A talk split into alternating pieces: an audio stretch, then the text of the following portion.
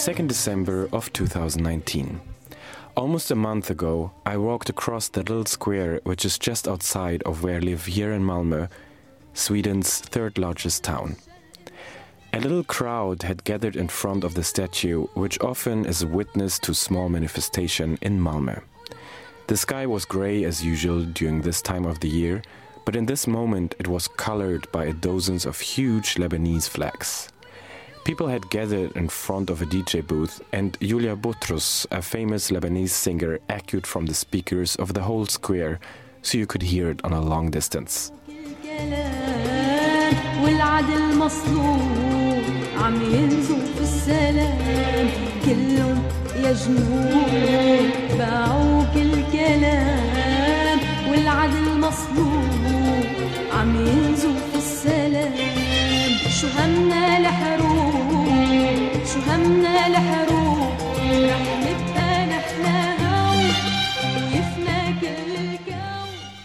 Gathered to show their support for the demonstrations that had just started in Lebanon those days. They have been now going on for 47 days. These demonstrations started as people are fed up with the corrupted and sectarian government, which has caused huge problems and frustration among the people for many, many years since the civil war ended in 1990. Just the week before the demonstration started, I was in Beirut. I went to Beirut because I wanted to cover Beirut Pride, coming from Radio RFSL, a little community radio station which is part of the nationwide organization for LGBTQ plus rights in Sweden. The week before I flew to Lebanon, a manifesto appeared on social media and spread very quickly, written from within the LGBTQ community in Beirut, asking people for a boycott of Beirut Pride. The whole situation left me rather a bit confused, but also very curious. I thought of a similar situation we have had here in Malmö a year ago with the Malmö Pride, where the head of Malmö Pride got accused of being corrupted and putting Malmö Pride as an organization close to a bankrupt. I decided to not any longer mainly cover Beirut Pride as an event, but instead I decided to talk to different people from the community. In this first episode of Malmö Meets Beirut, you will hear Sasha and Gigi, two trans women from Beirut, and we will talk about why Beirut Pride didn't turn out as it was meant to be. My name is Jonas David, and I welcome you to this special podcast produced by Radio RFSL.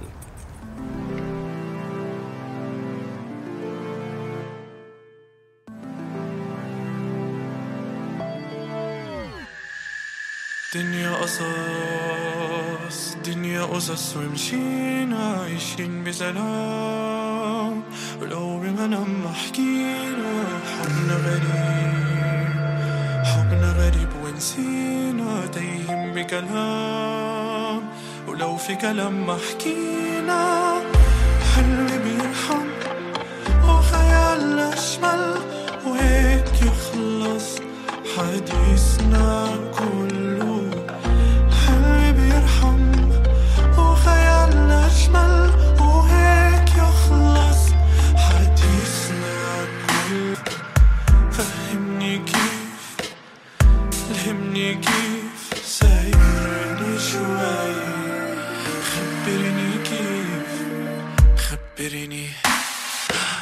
My name is Gigi. I'm 21 years old. I'm a uh, woman of transgender experience, and I work as a social media influencer and a plus size model, and I'm an LGBTQ activist. Um, I mostly work in Beirut, but I'm trying to reach like um, an, a more international audience, and that's kind of hard. Like being, a, you know, a trans woman, like people don't really want to are not really interested in hearing what I have to say. So I'm trying my best to like spread a positive image about being like trans people, trans individuals, and um, I'm trying to change the stigma that's that's surrounding us. Um, I do I, do makeup, and now I'm diving into fashion, and um, being a plus size woman and a trans woman, like those are two um, aspects of a woman that people are not used to seeing that much.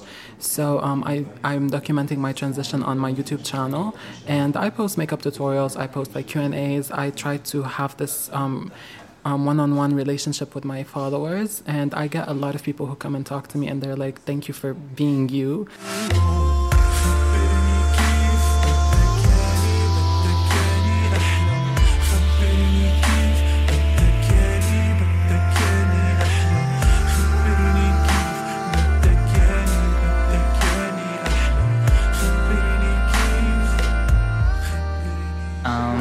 Sasha Elijah, and I'm a 22 year old transgender model performer and artist in general from Lebanon, Beirut. And I'm in an agency, and it's a modeling agency. It's called Green Apple Agency, and it's uh, the first uh, modeling agency that had a trans uh, model. Uh, in the Middle East, and I work in the nightlife with Uberhaus as the hostess and the performer, and they're also the first club that had like a trans uh, performer and the host. I think the stigma is mostly in, in Beirut because like um, Lebanese people have this um, image about trans women that you know they're they're prostitutes and um, they're not educated and that you know they're not um, they haven't achieved achieved stuff in their life lives and um, i'm trying to prove them wrong because i'm educated i work on social media i'm a body body positive and lgbtq activist and i'm trying my best to like change this stigma that has been surrounding us for years. And that's kind of hard. Um, people outside of lebanon they're kind of more open about it because trans rights are you know a thing and um, trans people are more um, respected but here it's kind of hard. But you know, we're changing that. As much as we talk, as much as we, we're doing, uh, there's no hope in Beirut and Lebanon, for me at least anymore, because Lebanon is such a very religious uh, country and uh, to say, to give false hope to the future generation and tell them, yes, we can do it or whatever. No, I'm not going to give any false hopes. If you can fucking leave Lebanon and do something abroad, just go ahead and do it because it's not even worth it because people here are so the mentality, the religion, the politics, it's like too much, it's too much. It's blocking my creativity, it's blocking what I want to do, it's blocking what I want to go, it's blocking how I want to live. I feel sometimes afraid of walking in the streets. I don't want to feel this way anymore. You know what? I have a lot of things to offer, and what I'm working uh, exactly the work of like 20 and people uh, I think it's time for me to take myself very, uh,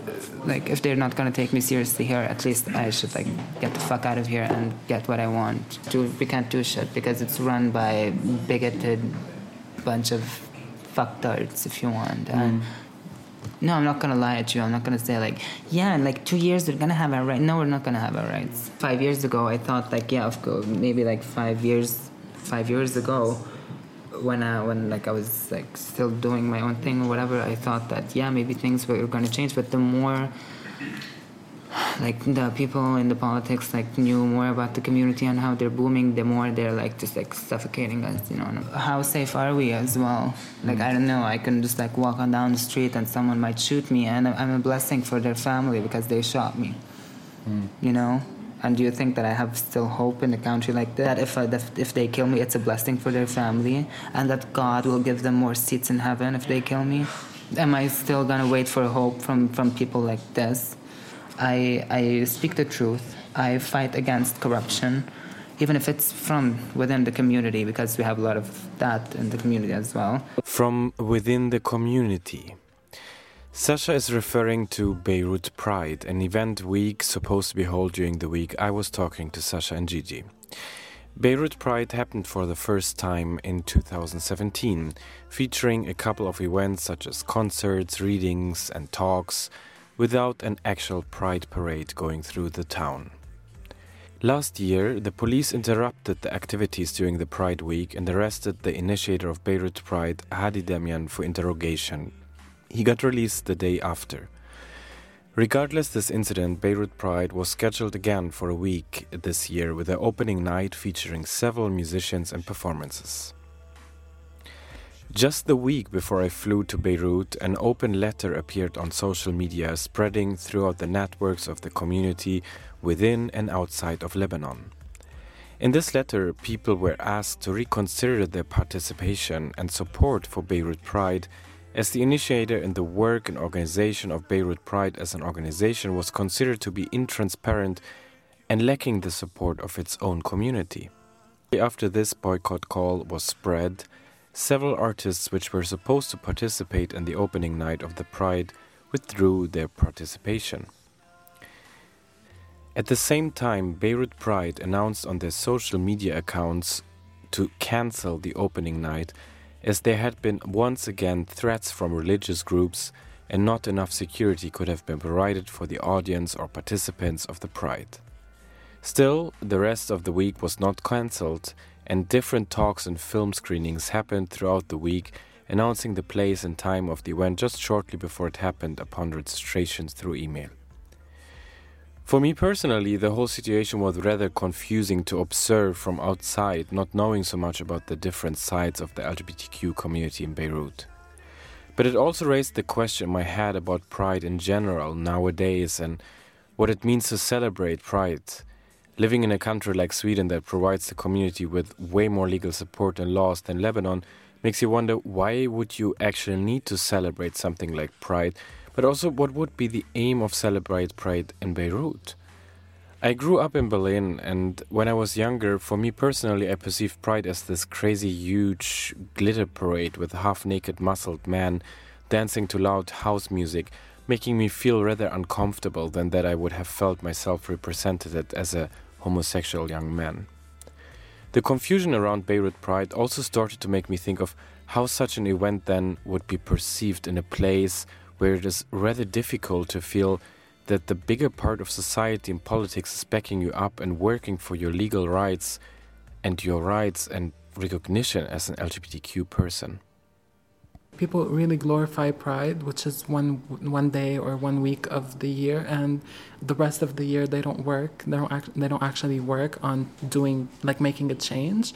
Like they just you know want to go and walk in the streets and you know wear um, revealing clothes and stuff like that. But that said, like they don't work as as they say behind the scenes. Like that's there's only this you know pride thing, which is a good thing, but still like people are not working other than like they're not doing they're not benefiting the um, the community other than that what i used to feel in these uh, things like pride and whatever the first year and second year they just like do small parties and readings and we used to feel like we're we're being prosecuted and like we're in these shitty dark places like one light bulb and we're telling our stories like why the fuck are we living like this? And we're just like afraid if the police are gonna come like seriously? Mm. But that's what I, what I thought like because when you like the pride's coming like yeah, it's a movement not, going not, all yeah, around the not, planet like, not, like that that's would not be the Beirut solution. Pride. Beirut yeah. Pride is me performing in the center of fucking downtown Beirut fearless of owning that motherfucking club it's about the, the billboards that were on the streets all over Lebanon. When I modeled for emergency room LB that's pride. Like I had a one billboard that was just straight ahead of the airport. Like you have like a trans woman model in the build that's pride. That's, that's pride. Pride is not about us being in like dark rooms and t- telling our stories and in fear. And that's not fucking pride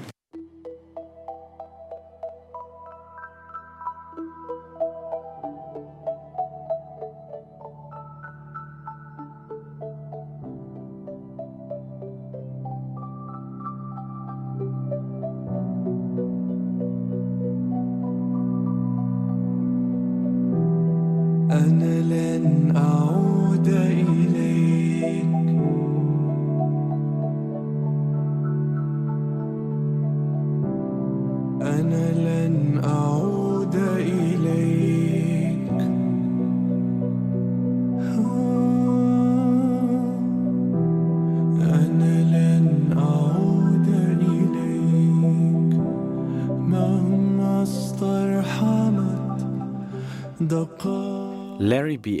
As many other people I've talked to, seems to be one of these multifaceted talents being a very active part of the community. A comedian, an actor, a producer of his own comedy web series, a stylist, and a self called nightlife ambassador. He's also one of the people who is behind the boycott call against Beirut Pride, and he's trying to lighten up my confusion about why Beirut Pride didn't turn out the way I expected it. Honestly, the main reason why Beirut Pride did not really happen this year is because they, like, the, as an institution, it did not have the um, support of the community itself. Of course, like every year, there were like some few uh, um, pressure from like uh, external um, entities, but like the main boycott came from within the community because we felt, and I say we because I I was part of these people, we felt that it did not represent us uh, at all.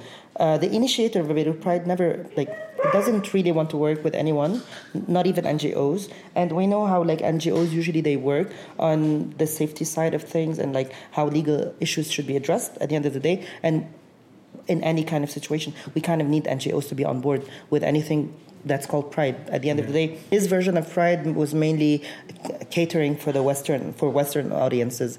Uh, whereas we never wanted a westernized concept for a Beirut Pride, and a lot of people they cannot really be part of Pride because they're like facing legal issues with like the government itself. So like technically we there's nothing to be proud of.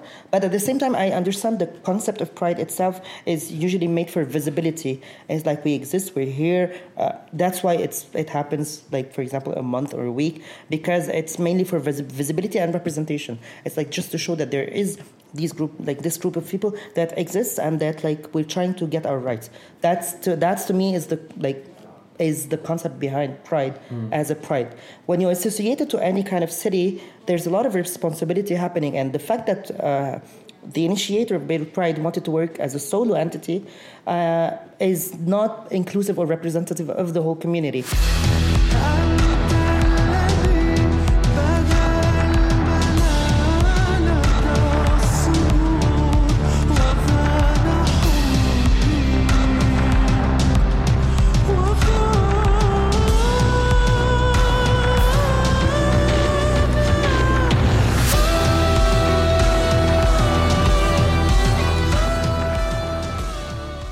That's why, I mean, if we're going to do Pride, it has to be done right for mainly visibility reasons and try to keep it as an Lebanese concept and not like a westernized concept. So, what, what, can you just like explain like how would that look like? Like, what, what would be Lebanese first, concept for you? Okay, for, first, for example, there has to be a committee of like diverse people deciding on the, the events and like how inclusive should they should be, and everything has to be uh, about us as Lebanese, no no diplomats from like abroad have to be include do, included in the in the, in the in any decision or in any uh, um, uh, event for safety reasons.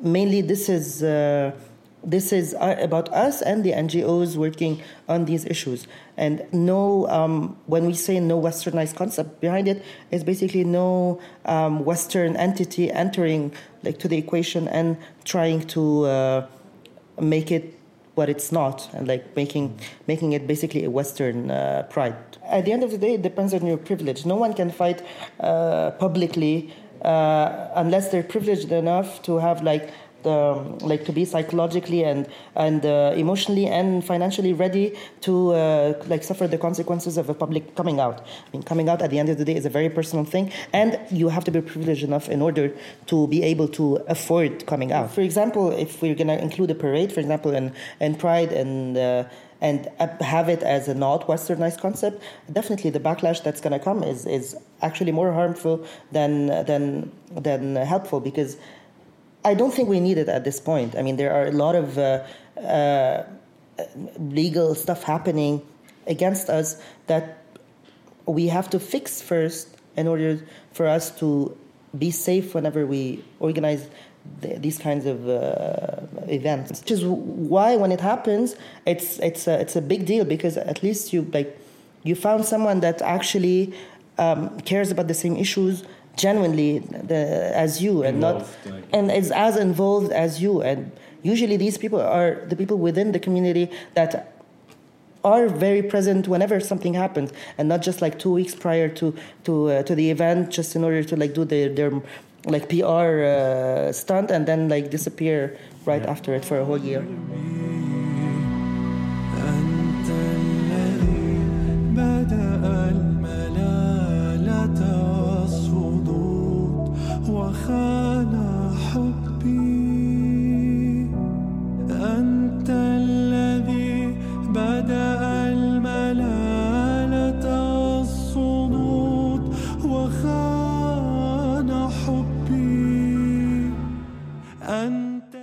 Before producing the podcast, I was in touch with the initiator of Beirut Pride, hoping and waiting for that he would put me in touch with other people who are arranging the Beirut Pride events.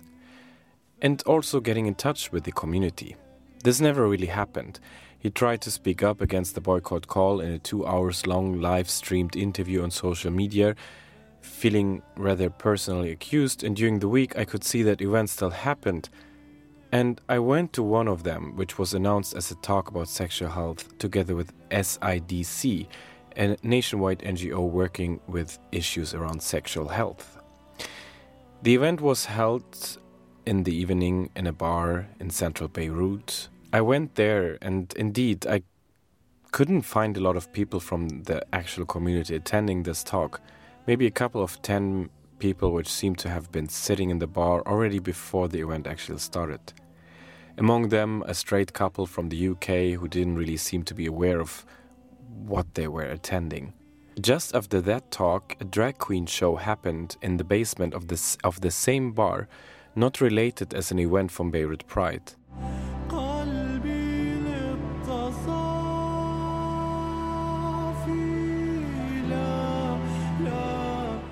In the next episode of Malmö Meets Beirut, we're going to talk to Philip, who is one of the project coordinators of SIDC, the NGO which held its talk about sexual health on Beirut Pride. And we will also talk to some representatives of an apparently very broad drag queen scene in Beirut.